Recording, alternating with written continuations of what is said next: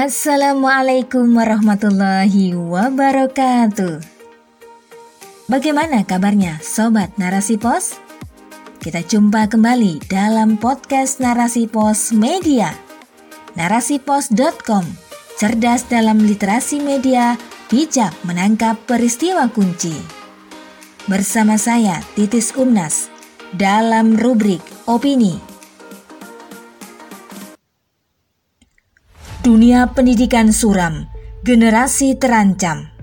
Oleh Hana Anissa Afriliani SS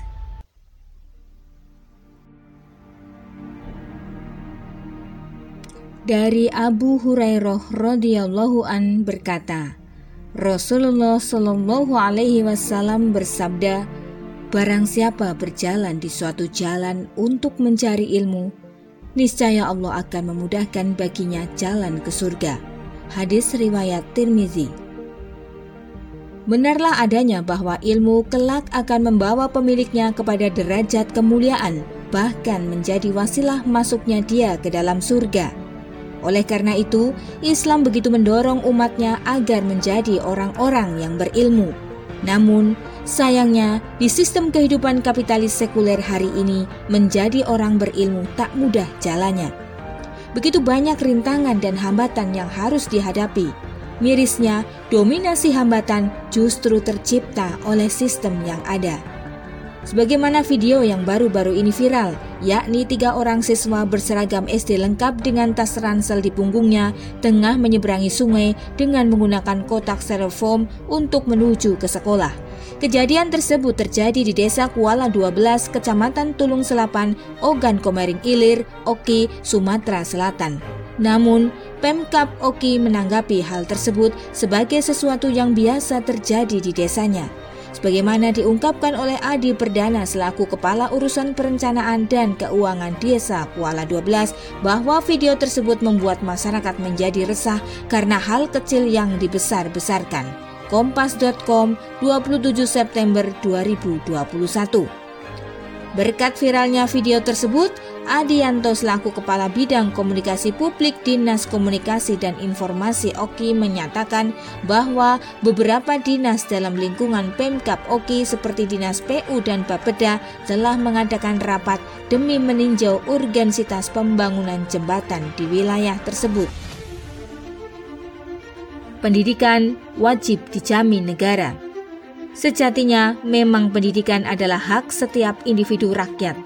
Hal tersebut dalam rangka mereguk sebanyak-banyaknya ilmu demi bekal kehidupan. Maka, menjadi kewajiban negara menjamin terselenggaranya pendidikan yang merata kepada seluruh rakyatnya tanpa terkecuali. Faktanya, di negeri ini, pemerataan pendidikan selalu menemukan kendala, dapat kita saksikan betapa banyak rakyat yang tinggal di wilayah pedalaman atau pedesaan tertinggal sulit mengakses pendidikan. Tak sedikit di antara para siswa yang tinggal di wilayah tersebut harus melewati medan berbahaya, seperti yang terjadi di Kabupaten Ogan Komering Ilir tersebut. Apa jadinya jika para siswa tersebut terjatuh lalu tenggelam? Tentu sangat mengancam nyawa. Mirisnya, kondisi mengancam nyawa seperti yang dialami para siswa tersebut banyak juga terjadi di wilayah lainnya. Pertanyaannya, mengapa fenomena demikian tak terendus oleh pemerintah? Bukankah semestinya pemerintah peka terhadap setiap jengkal kondisi rakyatnya? Mengapa di sistem saat ini pemerintah justru baru bertindak setelah ada kasus yang diviralkan media? Sudah seharusnya pemerintah melakukan pembenahan dalam segala sisi dari dunia pendidikan hari ini. Betapa tidak, kita sudah begitu banyak disuguhkan dengan realita kelam di dunia pendidikan, mulai dari bangunan sekolah yang tidak layak, fasilitas belajar mengajar yang tidak memadai, kesejahteraan guru yang masih menjadi mimpi, akses pendidikan yang sulit bagi wilayah tertentu, hingga biaya pendidikan berkualitas yang kian melangit. Semua itu merupakan problematika yang perlu dipecahkan jika tak ingin potensi generasi intelektual di negeri ini terkubur hidup-hidup. Negara, kapitalis, pengabdi, materi. Sudah bukan rahasia lagi jika negara yang mengadopsi sistem kapitalisme senantiasa berhitung untung rugi dalam setiap peluncuran kebijakannya. maka sering kali kita jumpai aneka kebijakan yang hanya menguntungkan segelintir orang, tidak sama sekali berpihak pada rakyat. Dalam rangka mereguk materi pula, negara kapitalis menjadikan sektor pendidikan sebagai komoditas bisnis, bukan lagi murni sebagai lembaga pelayanan masyarakat. Akhirnya, inilah yang menyebabkan biaya pendidikan kian tak terjangkau kantong rakyat jelata. Dan di bawah naungan kapitalisme sekuler, negara juga abai menyediakan layanan pendidikan berkualitas yang merata di setiap wilayah. Akhirnya, muncullah sekolah favorit dan tidak favorit. Eksesnya banyak sekolah yang kekurangan murid, tetapi di sisi lain banyak sekolah yang justru kewalahan karena kebanjiran murid. Inilah efek dari ketidakmerataan kualitas sekolah Padahal sejatinya setiap orang tua pasti menginginkan anaknya bersekolah di tempat terbaik.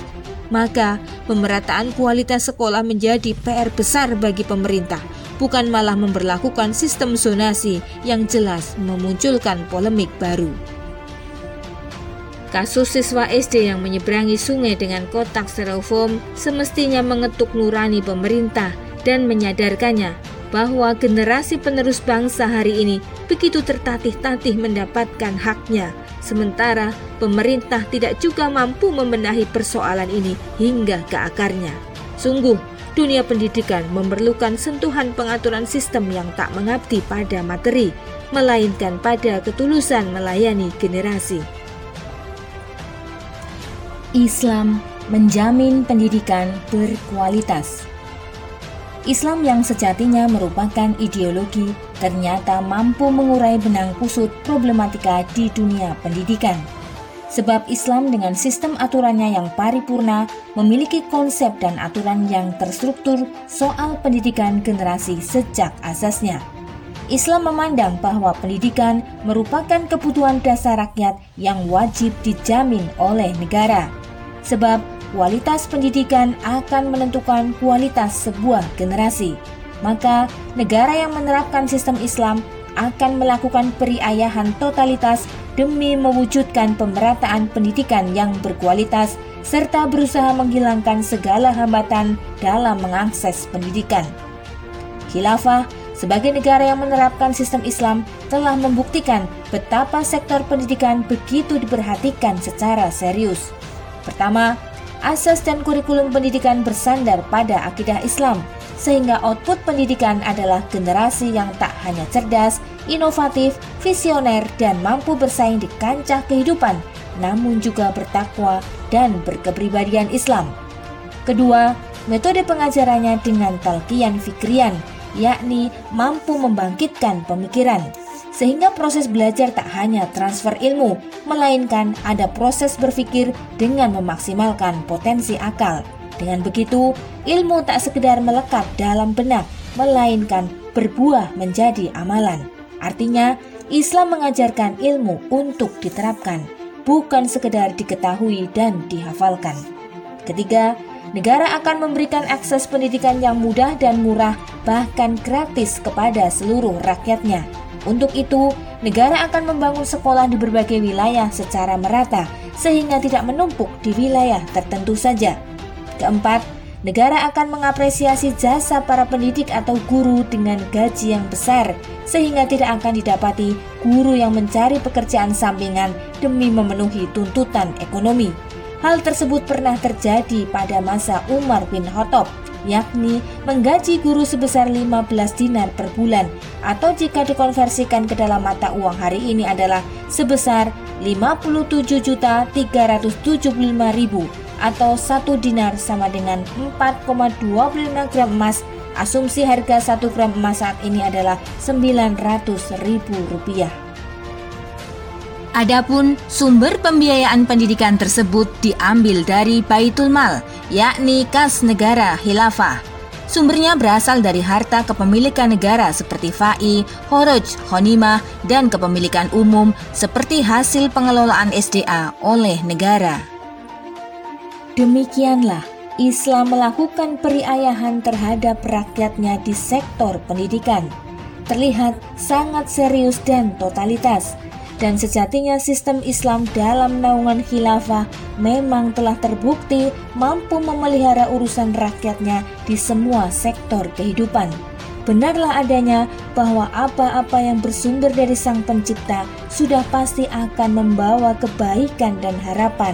Sedangkan yang bersumber dari akal manusia yang lemah dan terbatas pasti akan memunculkan polemik dan nestapa.